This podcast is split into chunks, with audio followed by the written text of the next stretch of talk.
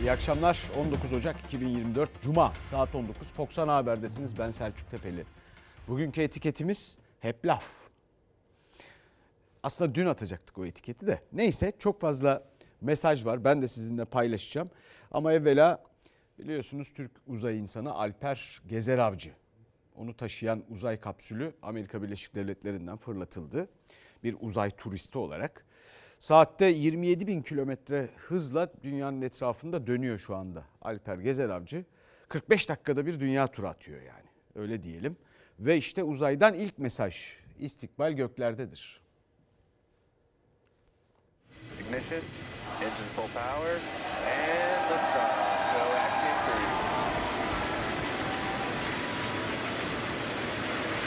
Türkiye'nin insanlı ilk uzay misyonu için ilk Türk'ün uzaya adım attığı şu anda Yüce Atamızın sözüyle bu ana başlatmak istiyorum. Türkiye Cumhuriyetimizin kurucusu Mustafa Kemal Atatürk'ün dahiyane sözü istikbal göklerdedir. Büyük fırlatma gerçekleşti. Türkiye'nin insanlı ilk uzay yolculuğu başladı. İlk Türk uzay yolcusu Alper Gezer Avcı'nın uzaydaki ilk mesajı Atatürk'ün istikbal göklerdedir sözü oldu.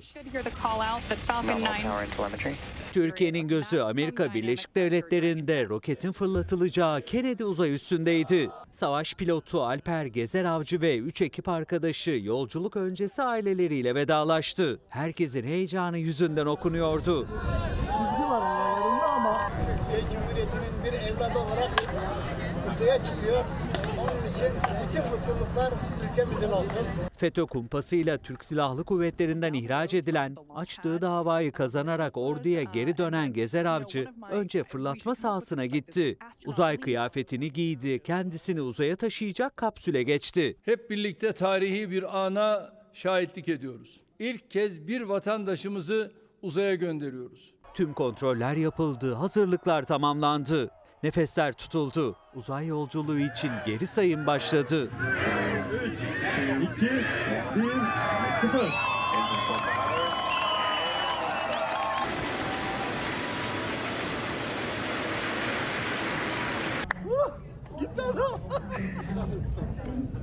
Sanayi ve Teknoloji Bakanı Fatih Kacır'ın bu tepkiyi verdiği fırlatma sorunsuz gerçekleşti. Kalkıştan dakikalar sonra mürettebatı taşıyan Dragon kapsülü roketten ayrıldı. 100 kilometrelik uzay sınırını aştı. İlk Türk uzay yolcusu Alper Gezer Avcı uzaya çıktığı ilk anlarda kalemle yer çekimini test etti. Uzay yolculuğunun başlamasından yaklaşık bir buçuk saat sonra kapsülle ilk bağlantı kuruldu. Gezer Avcı ilk mesajını Atatürk'le verdi. Türkiye Cumhuriyetimizin kurucusu Mustafa Kemal Atatürk'ün dahiyane sözü istikbal göklerdedir. Savaş pilotu Alper Gezer Avcı ve 3 arkadaşı Axiom Space isimli özel uzay şirketinin X-3 misyonu için uluslararası uzay istasyonuna gidiyor. Kapsülün yarın dünyadan 400 kilometre uzaklıktaki istasyona kenetlenmesi planlanıyor. Uluslararası Uzay İstasyonu dünya çevresinde 90 dakikada bir tur atıyor. Bu 44 yaşındaki Alper Gezer Avcı'ya günde 15 kez güneşin doğuşu ve batışını izleme imkanı veriyor. Gezer Avcı Türkiye'nin 55 milyon dolar ödediği misyon için 14 gün uzayda kalacak. 13 farklı bilimsel deneye katılacak. Bunlar arasında mikro yer çekimi, uzay ortamında insan sağlığı, tuz gölü bitkisinin uzay ortamında araştırılması gibi bilimsel projeler var. Evet efendim ilk uzay deneyi hayırlısıyla gitti çok şükür. 46 ülkenin insanından sonra biz de bir insanımızı parasını da ödeyip bir turizm şirketine uzay turisti olarak göndermiş olduk. Ee, aşağı yukarı aynı paraya Hindistan Ay'a araç indirdi bu arada. Böyle de bir şey var. Dünyada bu işin hacmi 1 trilyon doları buluyor. Bizim uzay işlerimizle ilgili çok söz edildi, çok konuşmalar yapıldı kürsülerden.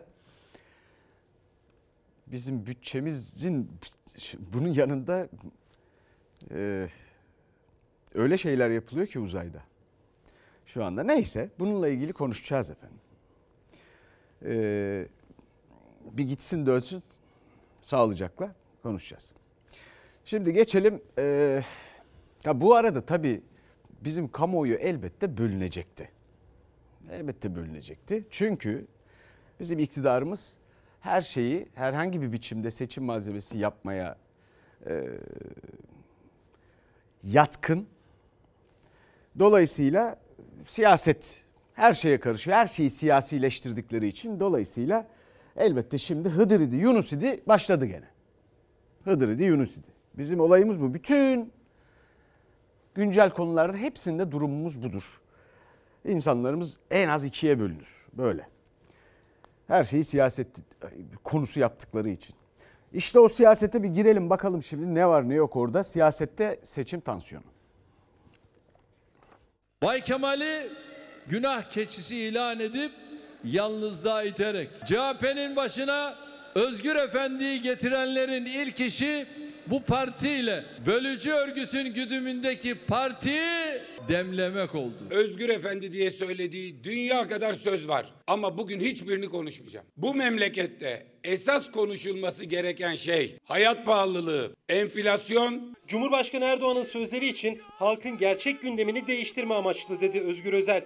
Erdoğan yeni günde Yalova'daydı. Cumhur İttifakı milletvekili veya belediye başkanlığı paylaşımı pazarlığı için değil, devletimizin bütünlüğü için kurulmuş bir ilkeler ittifakıdır. AKP, MHP ve BBP randevu vermediklerinden görüşülmemiştir. AK Parti ile Yeniden Refah Partisi arasında 3 büyük şehirde ittifak teması kesilmişken Yeniden Refah Partisi'nin Kocaeli Büyükşehir Belediye Başkan adayı Doğan Aydal'a AK Parti İl Başkanı randevu vermedi. AK Parti ile Yeniden Refah Partisi arasındaki heyetler arasındaki görüşmeler kesildi. Cumhurbaşkanı Erdoğan Ankara İzmir adaylarını açıklamadan bir gün önce Büyük Birlik Partisi ve DSP Genel Başkanları ile bir araya geldi Beştepe'de. Ancak iki haftadır yeniden Refah Partisi ile yeni bir temas kurulmadı. Cumhur İttifakı ile yeniden Refah Partisi arasındaki son gerilim Kocaeli'nde yaşandı. Bugün partilerimize nezaket ziyaretlerinde bulunduk. AKP, MHP ve BBP randevu vermediklerinden görüşülmemiştir. Karşı tarafın anlaşmaya, uzlaşmaya niyeti yok. Bizi arka bahçesi gibi görmek istiyor. Yeniden Refah Partisi Genel Başkan Vekili ve Kocaeli Büyükşehir Belediye Başkan adayı Doğan Aydal, Kocaeli'nde CHP, Saadet ve Deva Partisi il başkanlarını ziyaret etti. AK Parti, MHP ve Büyük Birlik Partisi il başkanları ise Aydal'a randevu vermedi. İyi hoş da biz AK Parti'ye kazandırma ya da kaybettirme için kurulmuş bir parti değiliz ki. Ankara Büyükşehir Belediyesi'nde çalışan işçi kardeşlerimizin maaşlarına zam yapacağız. Ankara Büyükşehir adaylığının açıklandığı ilk gün ilk vaadi Turgut Altınok'un. Büyükşehir Belediye Başkanlığını kazanması halinde çalışanlara zam yapacağını söyledi. Kaç bekliyorsunuz? Şimdilik yüzde yetmiş. Maaşlarınıza biraz zam yaptılar. Daha bir hafta önce 5 iş kolundaki tüm belediye çalışanlarına %70 zam yaptı Mansur Yavaş. 2023 Ocak ayından 2024 Ocak ayına bir yılda Yavaş'ın belediye çalışanlarına yaptığı zam oranı %151. Turgut Altınok o oranı yeterli bulmadı. Zam sözü verdi ama oran belirtmedi. Keçiören Belediyesi'nde 2023 yılında çalışanlarına yaptığı toplam zam oranı %60. 2024 yılında henüz zam açıklamadı. Ee, bir yeniden Refah Partisi ile AK Parti arasında bir görüşme olacak mı olmayacak mı polemiği de bir yandan devam ediyor ya. Ben de hep söylüyorum ya. Yeniden Refah Partisi İstanbul'da aday çıkarmaz efendim. Çıkarmaz. Onlar anlaşmanın, uzlaşmanın bir yolunu bulurlar. Emin olun. İddiaya da gireriz. Bu arada hep aynı ezber. Görüyorsunuz değil mi? Konuşmalarda Cumhurbaşkanı emperyalistlerden bahsetti. Muhalefeti bununla ilgili eleştirdi. Şimdi mesela İsrail şu anda Lahey'de yargılanıyor. Uluslararası Ceza Mahkemesi. Savaş suçları, insanlık suçuyla da, soykırım suçuyla da suçlanıyor, itham ediliyor. Türkiye belgeler verdi gönderdi deniyor. Türkiye bu davanın müdahili değil, içinde yok. Türkiye'nin başvurusuyla değil, Güney Afrika'nın başvurusuyla açıldı. Peki o belgelerden faydalanıldığını söylüyor emperyalistlere karşı Madem mücadele ediliyor, hükümet neden müdahil olmuyor bu davaya? O zaman belgelerin bir kıymeti olabilir. Almanya İsrail'in yanında İsrail'i desteklemek üzere müdahil oldu. Türkiye niye olmuyor? Bir yandan da ticaret devam ediyor İsrail'le. Hep laf. Hep laf. Evet. Ama bu aynı ezberlerle Bu iş nereye kadar nasıl gidecek? Aklıma bir Bulgar rock grubunun şarkısı geliyor. Bound for Destruction. Bence dinleyin. Kiki Mora diye bir grup. Çok ilginç yani. Nikola Ketsov diye bir tane bateristleri var, şey gitaristleri var dünyanın en iyilerinden. Bakalım şimdi Murat Kurum İstanbul Büyükşehir Belediye Başkan adayı istihdam sağlayacağız dedi. Ekrem İmamoğlu İstanbul Büyükşehir Belediye Başkanı 170 bin kişiye iş bulduk dedi. İstanbul'umuzda büyükşehir ve ilçe belediyelerimizde kadın istihdamını arttırmaktan %25 kadın ve genç istihdam şartına maddi desteklere kadar onlarca projemizi sizler için hazırladık. Kadın istihdamını arttırmak üzere özenli bir çalışma yönettik. Projeler geliştirdik. Bölgesel istihdam ofislerimiz ile gerçekleştirmiş olduğumuz kadın istihdamı oranı yüzde 40'a yaklaştı. Hem Murat Kurum'un hem de Ekrem İmamoğlu'nun gündeminde kadınlara yönelik istihdam başlığı vardı. AK Parti'nin İstanbul adayı Kurum, kadın ve gençlere %25 istihdam sözü verdi. Rakibi İstanbul Büyükşehir Belediye Başkanı Ekrem İmamoğlu ise bölgesel istihdam ofisleri sayesinde kadın istihdam oranının %40'a yaklaştığını söyledi. 5 yıl önce işsizlere iş bulmak belediyenin işi mi diye bir kısım söylemlerle e, yüz yüze kaldık. Bu ağır ekonomik şartlarda yapılmaz, yapamazsınız ve mümkün değil diye de ifade edenler oldu. E, ama biz e, yolumuzdan geri dönmedik. İmamoğlu, İstanbul Büyükşehir Belediyesi Bölgesel İstihdam Ofisi İstanbul'un istihdamına katkı ödül töreninde konuştu. Rakamlarla görevde oldukları süre boyunca istihdama yapılan katkıyı anlattı. Bugün e, özel sektörde iş arayan e, 170 binden fazla insanın iş bulmasına aracılık ettik.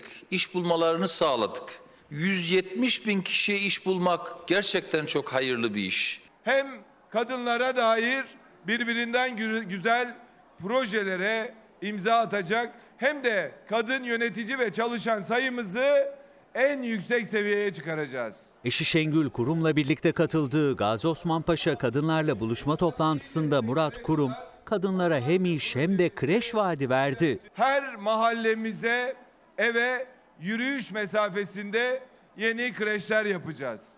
Ama yapacağımız bu kreşlerin çok önemli bir farkı olacak. Kadınlarımız için 7-24 hafta sonu ve hatta geceleri nöbetçi kreşlerimiz açık olacak. Kurum annelere kreş sözü verirken İmamoğlu da sosyal medya hesabından açtığı kreşlerin sayısının yüze ulaşmasını bir videoyla duyurdu. Çocuklara karşı çok ilgililerdi. İsrafı bitirdik, hizmeti getirdik. İktidar adayı, iktidar kanadı gündemi biraz geriden takip ediyor gibi. Bu kreş gündemi, efendim istihdam gündemi yıllardır var. Ve bununla ilgili de yol kat edildi bu arada. E Ama muhalefet tarafına gelirsek de CHP, CHP'den bahsediyorum. Cumhuriyet Halk Partisi'nden özellikle adaylarını belirlerken bir takım tartışmalar yaşanıyor gördüğüm kadarıyla. Bir de haftaya devam edecek. Biraz ertelediler. Yerel o bölgenin, o şehrin, o ilçenin neyse insanlarını aday olarak tercih etmektense duyduğum kadarıyla eleştirilere bakıyorum. Başka yerlerden efendim e, transfer edilen ya da devşirilen adaylarla bir yerlerde yarışa girmekten dolayı eleştiriliyorlar. Ne haberleri var mı bilmiyorum. Cumhuriyet Halk Partisi. Efendim şimdi gelelim yargıda skandal iddialara.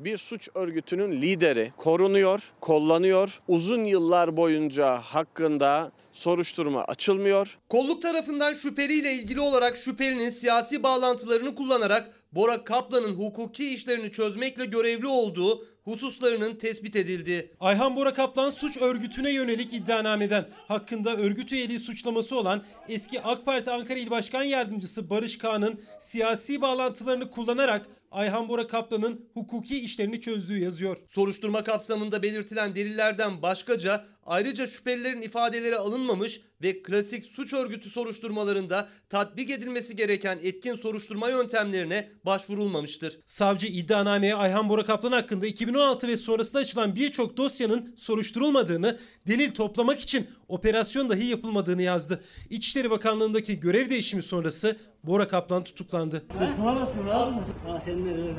Bunlar adalete, polise rüşvet dağıtarak her türlü suç gerektirir işlemlerine nasıl devam edebiliyorlar? Ayhan Bora Kaplan'ın yıllarca emniyet ve siyasetteki bağlantılarını kullanarak soruşturmalardan kurtulduğu iddiası vardı.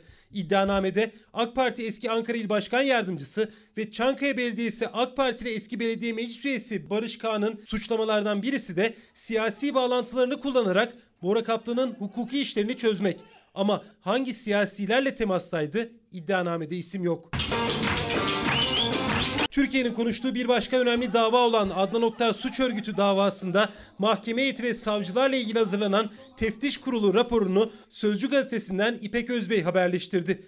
Teftiş kurulu raporunda mahkeme üyeleri ve savcılar delilleri Adnan Oktar lehine değiştirme, bazı delilleri görmezden gelmekle suçlanıyor. Muhteşemsiniz maşallah.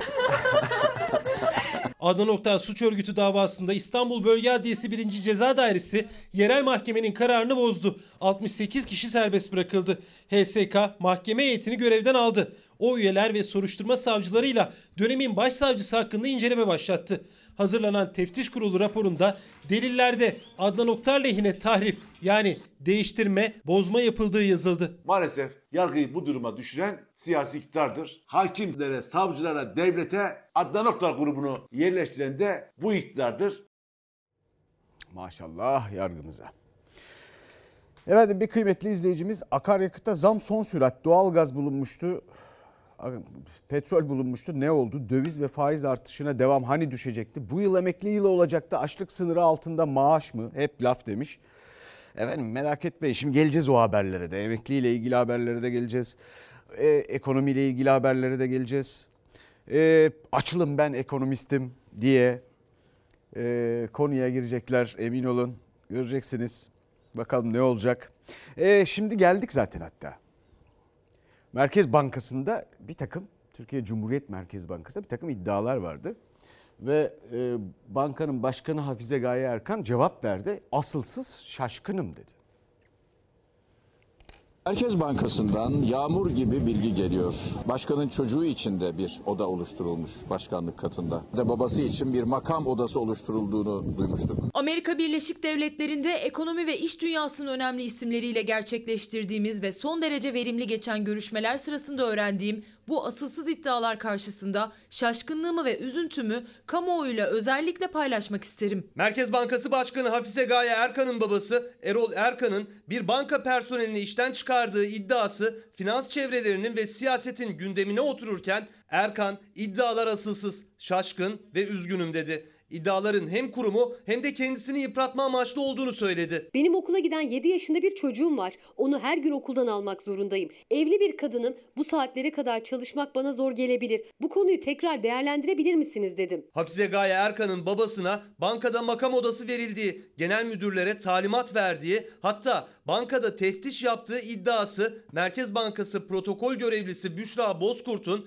CİMER'e yazdığı şikayet dilekçesiyle gündeme geldi. Bozkurt o dilekçede Hafize Gaye Erkan'ın babası Erol Erkan'ın talimatıyla işten çıkartıldığını da yazdı. Neden bir siyasi ya da bürokrat herhangi bir göreve geldiğinde bütün ailesi bir imtiyaz alanı oluşturabilmektedir? Çünkü bu yolsuzluk virüsü yukarıdan aşağı yayılır. Tepede bir aile düzeni kurulduğunda bütün kurumların yöneticileri bunu doğal hak görür ve bu bir iklim oluşturur. Merkez Bankası'nda görev yapan bazı üst düzey yöneticilerin de benzer rahatsızlıklar nedeniyle kurumdan ayrıldığı iddia edilirken Cumhurbaşkanlığı İletişim Merkezi'ne yapılan şikayetin sızması dikkat çekti. Cimer şikayetleri gizli tutuyor. Türkiye'de tek bir kişi hiçbir kural tanımak istemediği için ülkede ne kurum bıraktı ne de kural bıraktı. Son günlerde şahsım ve aileme hedef almak suretiyle bankamıza yönelik güven bozucu, kasıtlı ve gerçeklerle bağdaşmayan haberler dolaşıma sokulmuştur. Şahsımı ve bankamızı itham eden asılsız haberler asla kabul edilemez niteliktedir. Sorumlular hakkında gerekli yasal haklarımı kullanacağım. Eğer bir yönetim beceriksizliği varsa Gaye Erkan'ın derhal istifa etmesi lazım. Tam bu kritik dönemde bir Merkez Bankası Başkanı'nın yurt dışında 3 haftadır bulunuyor olması çok ciddi soru işareti. Hafize Gaye Erkan iddialara Amerika'dan yanıt verdi. 1 Ocak'tan bu yana 18 gündür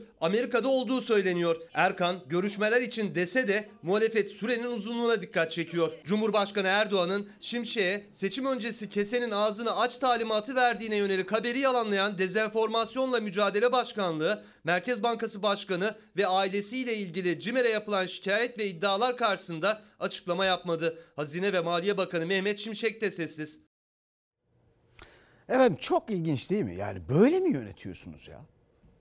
Türkiye Cumhuriyet Merkez Bankası, kurumlar bu ülkede yani sorumluluk sahibi yetişkin insan ara ki bulasın. Şu itiş kakışa bakın. Şu tartışmalara bakın. Sonra enflasyonu düşüreceğiz. Efendim sonra emekliyi biz çalışana ezdirmedik. Bunlarla ilgilenen var mı hakikaten? Ekonomiyle ilgilenen var mı? Bir, bir, bir de yani Gaye Hanım kaç gündür Amerika Birleşik Devletleri'nde bu arada? Kaynak aramak için gitti. Kaç gündür orada? Bir de yalnız. Maliye Bakanı yok. Yanında değil. E bununla ilgili bir açıklama ne Maliye Bakanlığı'ndan geldi ne başka bununla ilgili kurumlardan geldi. Bir yalanlama, bir açıklama bir şey de yok. İlginç bir durum var yani ortada. Çok ilginç bir durum var. Evet. Şimdi gelelim emeklilerle ilgili haberlerimize. Cumhuriyet Halk Partisi Genel Başkanı Özgür Özel dedi ki emeklilerle dalga geçiyorlar. Almanya'da emekli Hans uçağa biniyor.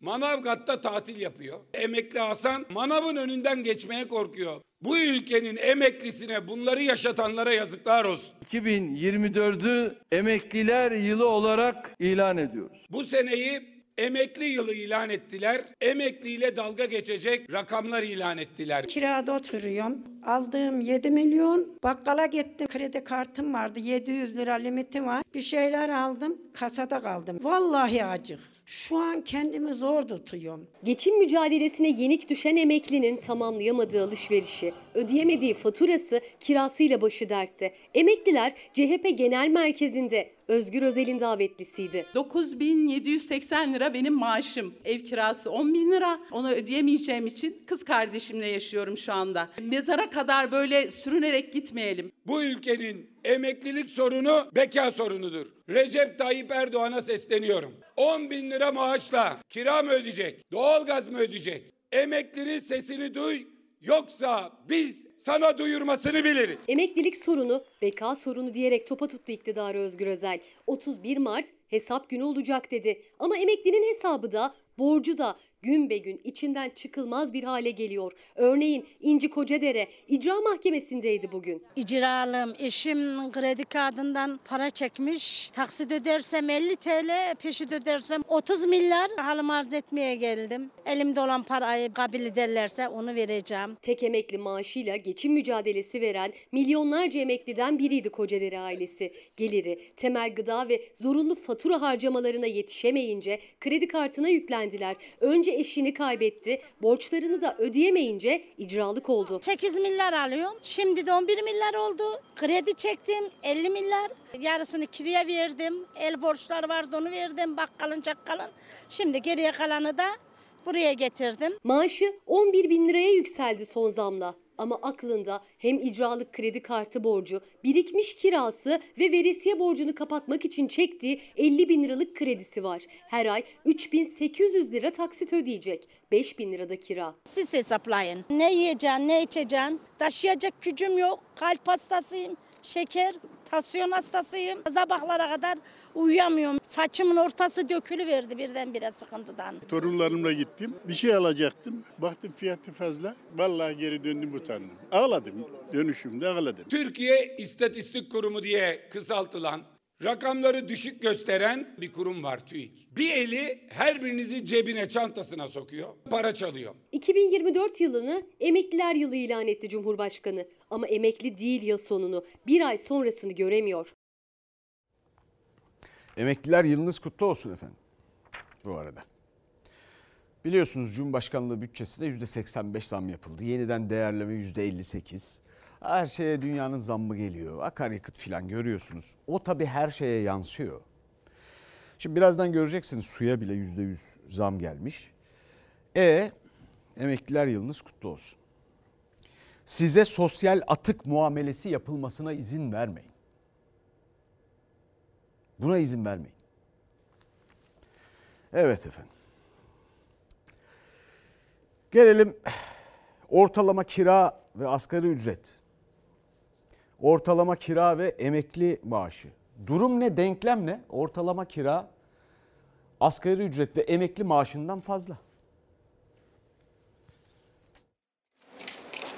Benim maaşım da asgari ücretin çok üstünde değil. Ev sahibim beni evden çıkarsa e, ben İstanbul'da yaşayamıyorum. Alınan belli, verilen belli, ev kirası asgari ücretten yüksek gerçekten. Bir de emekli olduğunuzu düşünürseniz Benim aldığım emekli maaşı 7500 liraydı. Sağ olsunlar %37,5 zam yaptılar. Sürünüyoruz. Hatta 2024'ü e, Cumhurbaşkanımız emeklilerin yılı. Emeklilerin sürünme yılı aslında 2024. Sabit gelirlinin en büyük derdi kira. Yıllar içinde artış o kadar kontrolsüz gerçekleşti ki maaşlar kiralara yetmez oldu. Aralık ayı verilerine göre ortalama ev kirası Türkiye genelinde 14.472 lira. İstanbul'da bu rakam çok daha yüksek. Aralık ayında mega kentte ortalama kira fiyatları 17.594 liraya kadar çıktı. Yeni asgari ücretinde 10 bin liralık en düşük emekli maaşının da üstünde. Kayınvalidemle şu an aynı eve taşınmayı düşünüyorum. Niye kayınvalidenizle aynı eve taşınmayı düşünüyorsunuz?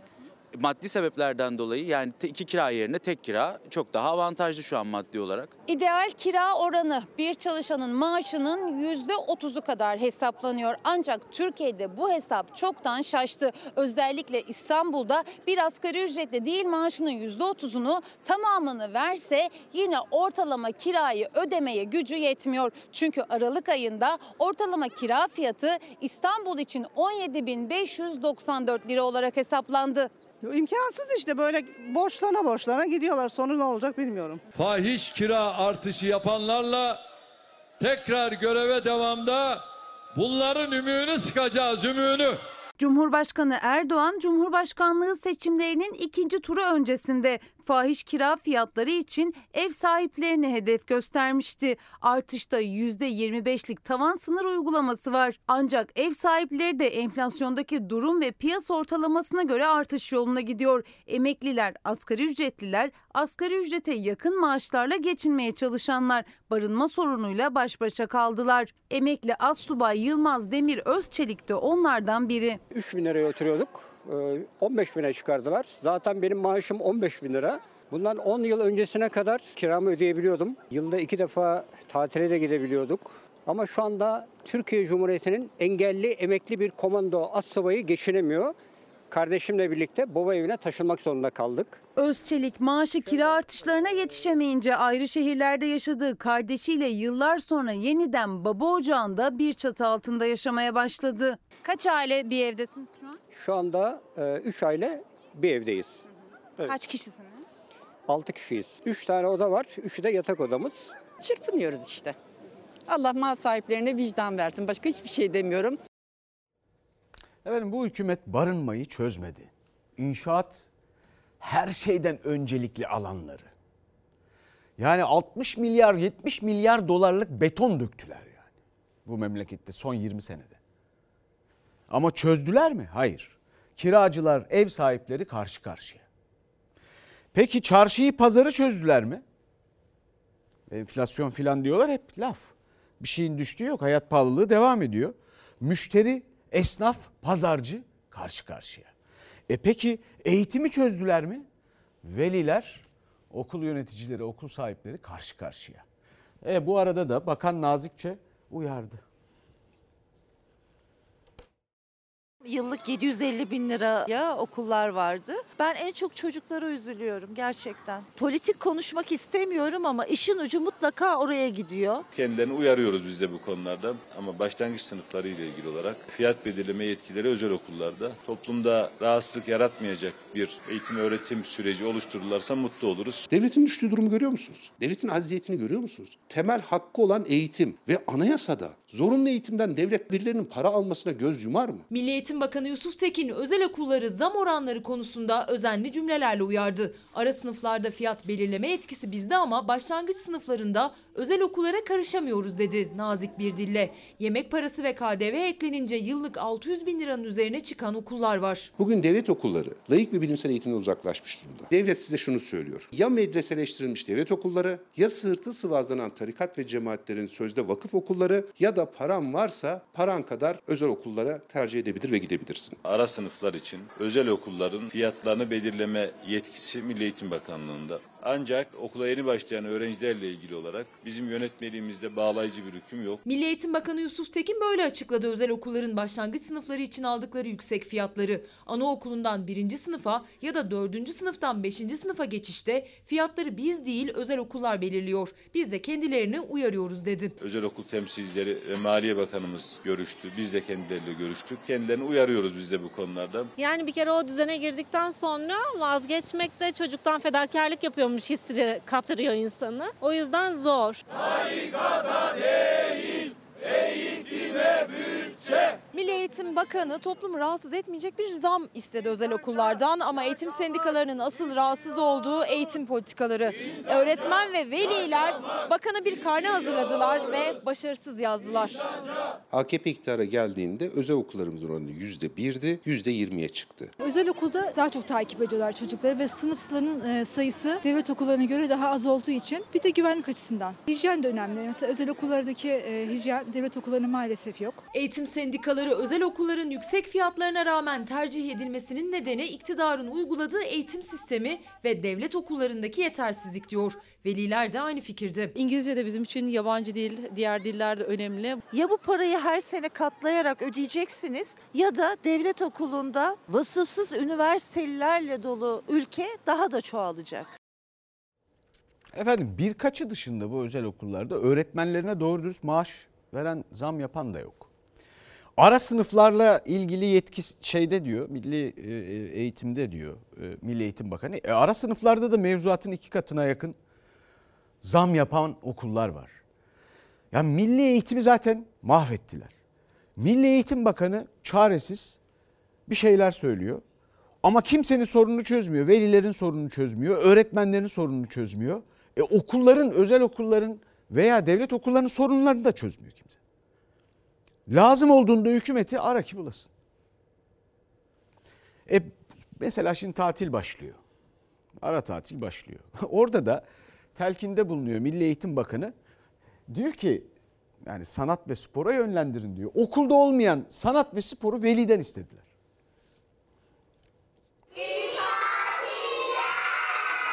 Çocukların sevinmesi ve e, eğlenmesi için bir tatil oldu. Çocuklar hem gezebilir, istediği her şeyi yapabilir ama annelerinin sözünü dinleyerek istediği her şeyi yapabilir çocuklar. Çocuklar için gezme, eğlenme, dinlenme zamanı geldi. Okullar yarı yıl tatiline girdi. Milli Eğitim Bakanlığı 18 milyon öğrenci için tavsiyelerde bulundu. Yarı yıl tatilinde öğrenciyi tek bir alana yönlendiren ev ödevleri verilmemesi, bunun yerine öğrencilerin sanatsal, kültürel, sportif ve bilimsel faaliyetlere katılmalarının teşvik edilmesi, film izleme, tiyatroya gitme, müze ve tarihi mekan gezileriyle yarı yıl tatilini verimli bir şekilde geçirecek, yeni döneme yenilenmiş bir şekilde başlamalarını sağlayacaktır. Öyle bir imkanınız yok. Yani bu şartlarda hiçbir şey yaptıramayız. Çocuklar evde dört duvar arasında sıkılıp kalacaklar o kadar. Bakanlık, sinema, tiyatro, tarihi mekan gezileriyle zaten eğitim dönemi boyunca okullarda olması gereken sanatsal ve sportif faaliyetler yapılması yönünde yol haritası çizdi. Ama hepsi bir maliyet kalemi aileler için. Futbol okulların fiyatı yani 1000 lira, 1500, 2000, 2500 zor ya yani sinemaya götürelim diyoruz. İş gücü gitsek sadece sinema fiyatı 500 milyon lira ya. 500 milyon yani. İçeri girdin, mısır cipsi aldın. Hadi nasıl sosyal aktivite yapacaksın? Tatil için dinlenmeyi ve birlikte gezmeyi planladık. Peki ödev verdiler mi? Sordum. Ödev verdiler mi? Tabii ki verdiler. Sadece İngilizce öğretmenimiz ödev verdi o kadar. Bir de ara tatil kitaplarımız var. Ailenin birlikte vakit geçirmesi için de bulunmaz bir zaman dilimi. Doğa yürüyüşü olabilir, bir e, sinema olabilir, tiyatro olabilir. İmkanı olan aileler şehir dışında bir tatile gidebilirler. Tam kış tatili vakti. Bu aile arasındaki bağların kuvvetlenmesini sağlar. Uzmanlar çocuklarla ailelerin farklı etkinliklerle kaliteli zaman geçirmesinden yana. Planlarda bütçelere göre daha çok uygun fiyatlı seçeneklerden yapıldı. Öneriyorlar da e, ülkemizin durumunu biliyorsunuz. Ben e, tatil taraftarı değilim. Böyle evimizde e, günübirlik gezerek geçireceğiz inşallah. Evdeyiz. Tatil fiyatları da evet uçuk bu sene. Çoğu veli daha çok günübirlik geziler planlasa da kış tatili için kayak merkezleri doldu bile. Uludağ'da bir gecelik kişi başı oda fiyatı 3 bin liradan başlıyor 45 bin liraya kadar çıkıyor. Ben daha önce tatile giden bir insanım. Gerçekten şu anda şartlara bir bakın bırakın tatili. Demin bir yerde kızımla yemek yemeye çıktık. İçecek olmadığı halde 500 küsürdü galiba. Şu anda oteller gerçekten çok şey yani fahiş fiyat. Efendim devlet okullarında azalta azalta, kısalta kısalta beden, resim, müzik neredeyse kaldırdılar yok gibi. Şimdi velilere parasıyla gönderin diyorlar. Veliler de özel okulları bunun, bunun gibi sebeplerle tercih ediyor filan. Anlamadım ya gerçekten ya. Gaye Erkan gibi söyleyeyim şaşkınım yani. Bu sözlerin karşısında. Bir kıymetli izleyicimiz Emekliler yılı bir ayağımız çukurda bir elimiz uzayda bu ne saçma bir rüya hep laf demiş. Efendim şimdi bu özgüven spazmları bir an arştayız arşa çıkıyoruz yükseliyoruz bir an yerdeyiz böyle. Ee, bu aradaki mesafe farkı var ya işte o bizim kronik enflasyonumuz hayat pahalılığımız neden? Çünkü bunu bu aradaki farkı dış borçla tamamlıyoruz. O yüzden ekonomimiz düzelmiyor.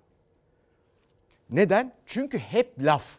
O lafla özgüven bir ara oraya çıkıyor. Hayaller bir şeyler oluyor filan. Sonra gerçeklerle aradaki fark da borçla tamamlanıyor ya. Ülke gerçeklerinin farkında değil hükümet çünkü. Siyasi imaj, siyasi algı stratejileri. Öyle ya. Yani köylünün kurnazı keçilerine yeşil gözlük takarmış. Efendim kuru otları yeşil taze zannetsin diye. O hesap yani. Ha bir yandan da bakalım. Su bile yüzde yüz zamlandı ya. Su bu ya başka bir şey benzer mi? İnsan aç yaşar ama susuz yaşayamaz ki. Bundan bir 5-6 sene öncesine kadar bir haftada yaklaşık 7-8 damacana tüketiyordum. Sürekli zam alıyor. O yüzden arıtmayı tercih ettim. Suya bile para veriyoruz ya artık 90 lira.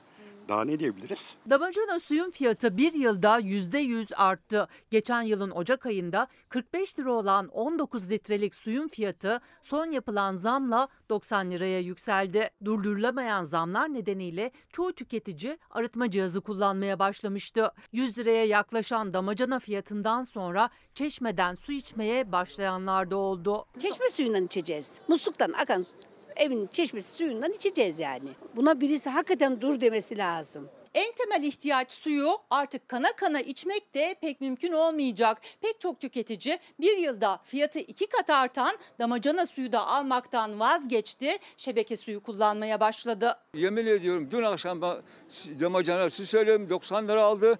Orada o an ben dedim bundan sonra almıyorum ya karar aldım ben. Çeşme suyu içeceğim bundan sonra. Uzaktan geliyor, Bursa'dan geliyor bize. Nakliyettir, e, yakıtıdır, e, dükkan kirası, eleman masrafı. Her gün maliyetler artıyor. Arttığı için biz de arttırmak zorunda kalıyoruz.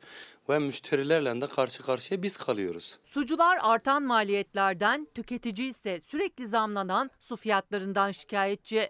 Kalabalık aileler, emekliler, dar gelirliler en temel yaşam kaynağına bile para yetiştirmeye zorlanır halde. Evime haftada iki damacana, e, ofisime de haftada 3 damacana, haftalık 500 lira, ayda 2000 lira. Marketlerden alıyoruz. Daha mı uygun fiyat? Abi daha uygun. Nereden uygunsa oradan mı alıyoruz? Suya ne diyeyim yetiremiyoruz ki kızım. Yapamıyoruz, yetiremiyoruz. İhtiyaç ama nereye uygunsa oraya dolaşıp alıyoruz. Düşünüyorsun. Bir bardak eksik içeyim diyorsun.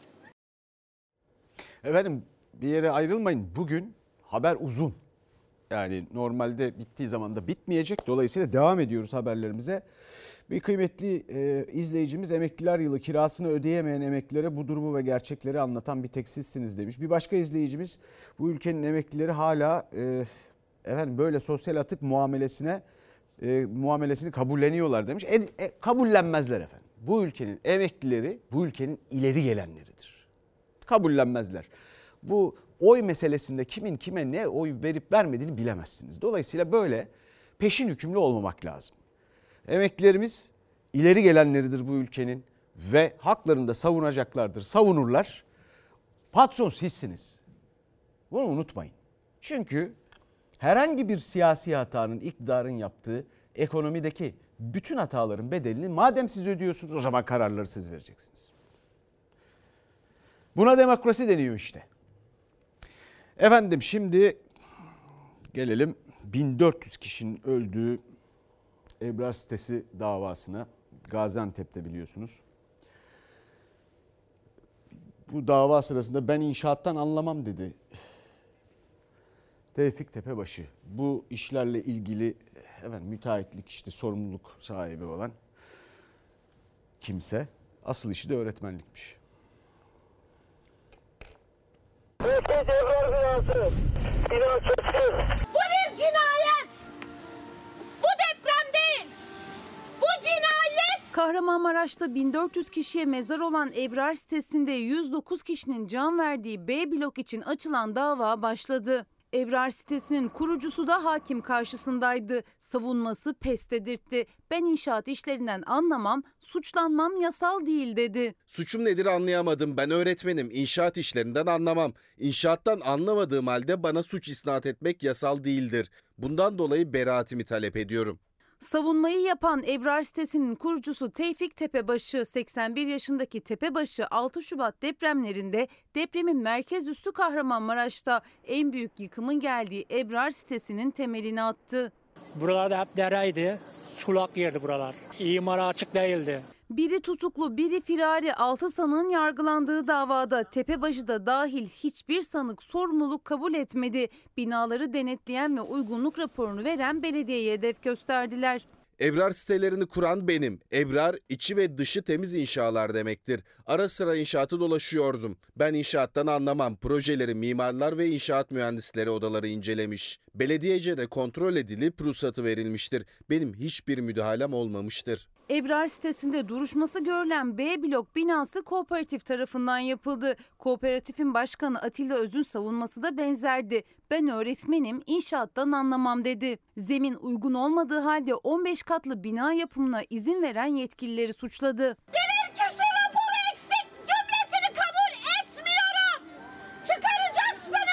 Hakkında 4 ayrı deprem davasından tutukluluk kararı bulunan Tevfik Tepebaşı B blok davasında da tutuklandı. Diğer sanıklar hakkında ise adli kontrol kararı verildi. Hayatını kaybedenlerin yakınlarının talebi ise sanıkların daha ağır cezalarla yargılanması. Biz sanıkların her türlü cezalarının sabit olduğunu hatta bilinçli taksir değil de bunların olası kasta e, değerlendirilmesi gerektiğini düşünüyoruz. Ebrar sitesi Kahramanmaraş'taydı. Şimdi Gaziantep'ten bir haber vereceğiz. O yüzden karıştırdım. Özür dilerim. Fakat görüyorsunuz buna izin veren yetkilileri suçladı aynı zamanda. Bahsi geçen kişi. Yetkililer kim? Onlar herhangi bir sorumluluğu aldığını gördünüz mü? O yetkililerden dönemin işte Şehircilik Bakanı kentsel dönüşüm vaat ediyor Büyükşehir Belediye Başkan adayı olarak. 50 bin can gitti. İzin verenler kim? Nasıl oldu? 150 milyar dolar zarardan bahsediliyor. 20 senedir yönetiyorlar. Niye yapmadılar ya? Böyle şey olur mu ya? Evet, Gaziantep'e gidelim. Efendim, Gaziantep Üniversitesi Çocuk Hastanesi. Son doktor da gitti, bölüm kapandı. Gaziantep Üniversitesi'nde çocuk onkoloji ana bilim dalının kapatılmış olması aslında Türkiye'de sağlık sisteminin nereye gittiğini göstermesi bakımından çok dramatik bir örnektir. Üç öğretim görevlisinin ayrılmasıyla birlikte oradaki çocukları tedavi edecek, kanser hastalarını tedavi edecek ve oradaki asistanları, oradaki öğrencileri yetiştirecek öğretim görevlisi maalesef kalmadı. Gaziantep'te kanser hastası çocuklar doktorsuz kaldı. Gaziantep Üniversitesi Çocuk Hastanesi Onkoloji ve Hematoloji bölümünde zaten 3 doktor vardı. Üçü de istifa edip özel hastaneye geçti. Bölüm kapandı. Üniversite rektörü doktorların kararı için tercih ifadesini kullandı. Sağlık Bakanlığı'ndan uzman desteği istedi. Üniversitemiz çocuk hematoloji onkoloji bilim dalında görev yapmakta olan 3 öğretim üyemiz istifa haklarını kullanarak özel hastanede çalışmayı tercih etmiştir. Sağlık Bakanlığımızdan uzman desteği istenmiştir. En kısa sürede ilgili alanda uzmanlık hizmeti verilmeye başlanacaktır. Öğretim görevlileri de maalesef ki geçinemiyor. Maalesef ki geleceklerini sağlamak, geçimlerini sağlamak için e, özel sektörle anlaşıyorlar. Bu bir tercih değil maalesef bir zorunluluk. Varsın gidiyorlarsa gitsinler. Değersizleştirme politikalarının sonucudur. Giderlerse gitsinler diye hekimlik mesleğini değersizleştiren yaklaşımların sonucudur. Cumhurbaşkanı Erdoğan 2022 yılında doktorlara giderlerse gitsinler demişti.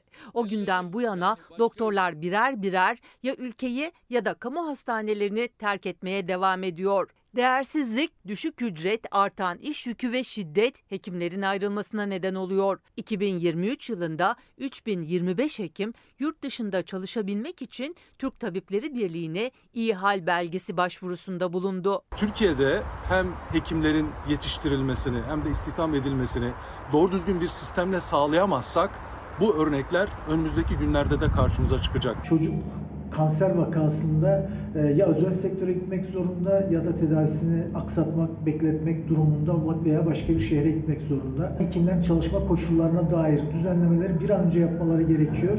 E, Yoksa çok geç kalacağız. Efendim sağlık ne hale geldi, ne duruma geldi? Bunun için okunabilecek nefis bir kitap öneriyorum. İsmi Bir Nefes Sıhhat. Bir Nefes Sıhhat.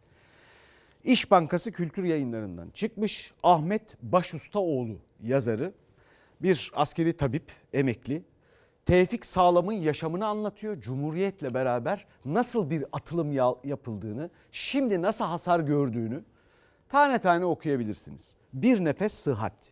Ahmet Başustaoğlu yazmış. Yani tıp fakültelerinden 10-12 bin mezun var yılda.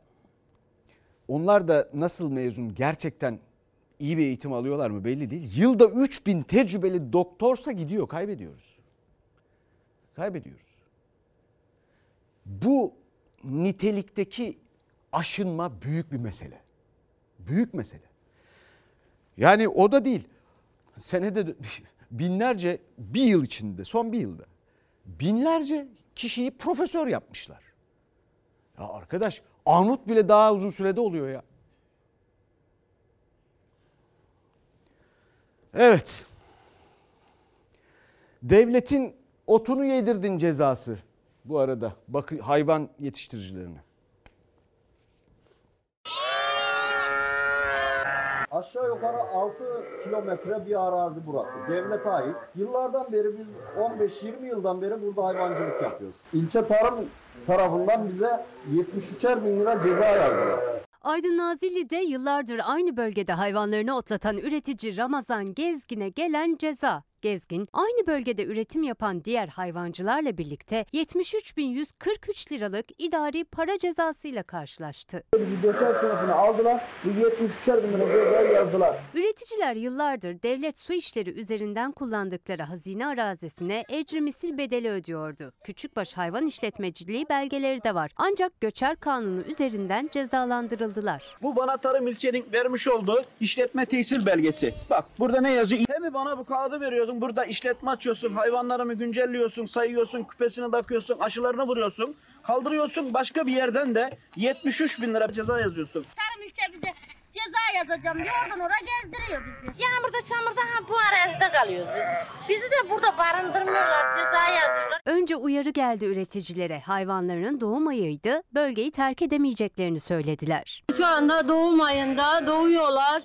Ee, çamurda doğum halinde bir yere gidemeyiz. Ardından bir bir idari para cezaları ulaşmaya başladı ellerine. Cezaları ödeyecek güçleri de yok. Bir ekmeği kime bölelim biz?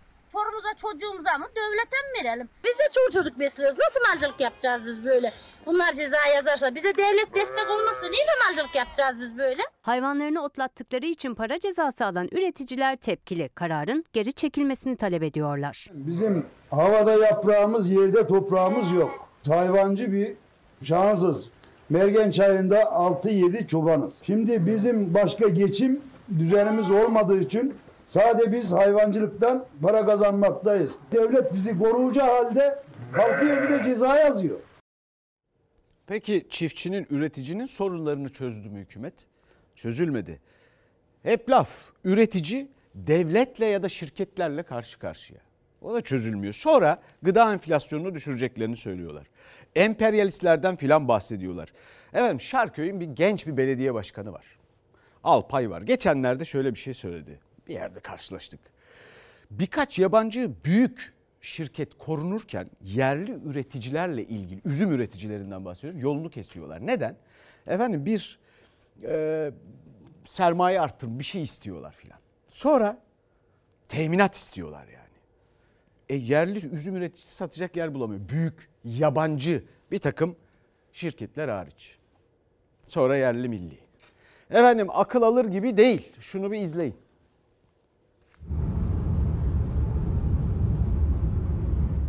Önce tartıştılar ardından hem kendi hayatlarını hem de trafikteki diğer sürücülerin hayatını tehlikeye attılar.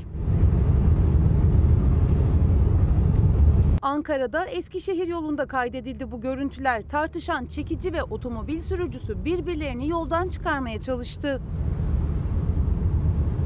Önce otomobil sürücüsü çekicinin önüne geçerek frene bastı. Ardından çekici otomobili sıkıştırarak şeridinden çıkardı. İnatlaşma uzun süre devam etti. O sırada aynı yolu kullanan sürücüler büyük tehlike atlattı. Trafik magandası iki sürücü bir otomobili ve bir motosikletliyi de sıkıştırdı. Tüm o tehlikeli anlarda başka bir sürücü cep telefonu kamerasıyla kayıttaydı. Görüntünün sosyal medyada paylaşılması üzerine iki sürücü Ankara Trafik Şube Müdürlüğü ekiplerince tespit edildi ve ehliyetlerine el konuldu. Çıldır Gölü'nde buz pateni.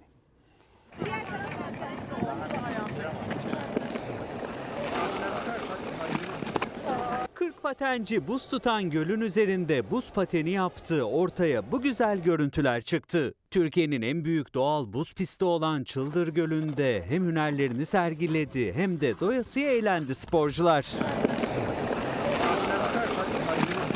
Her zaman deneyimlemek istedim yani. Çok merak ediyordum nasıl bir atmosfer olduğunu ve çok beğendim. Bugün ilk kez bana nasip oldu burayı görmek. Doğu Anadolu'nun ikinci büyük gölü Kars'ta bulunan Çıldır Gölü. Gölün özellikle kış aylarında ziyaretçisi eksik olmuyor. Yerli yabancı turistler yüzeyinin tamamen donması ve buzla kaplanmasıyla gölde yürümenin tadını çıkarıyor.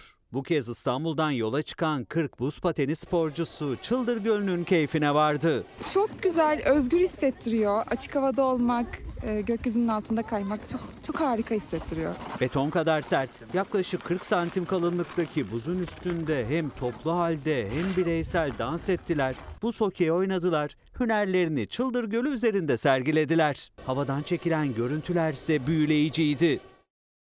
Efendim bu akşam Orta Sayfa akşamı Türkiye'nin en çok izlenen tartışma programı biliyorsunuz. Orta Sayfa Fox'un yeni dizisi Gaddar'dan hemen sonra yani bizden sonra merakla beklenen dizi başlıyor Gaddar. İyi seyirler efendim.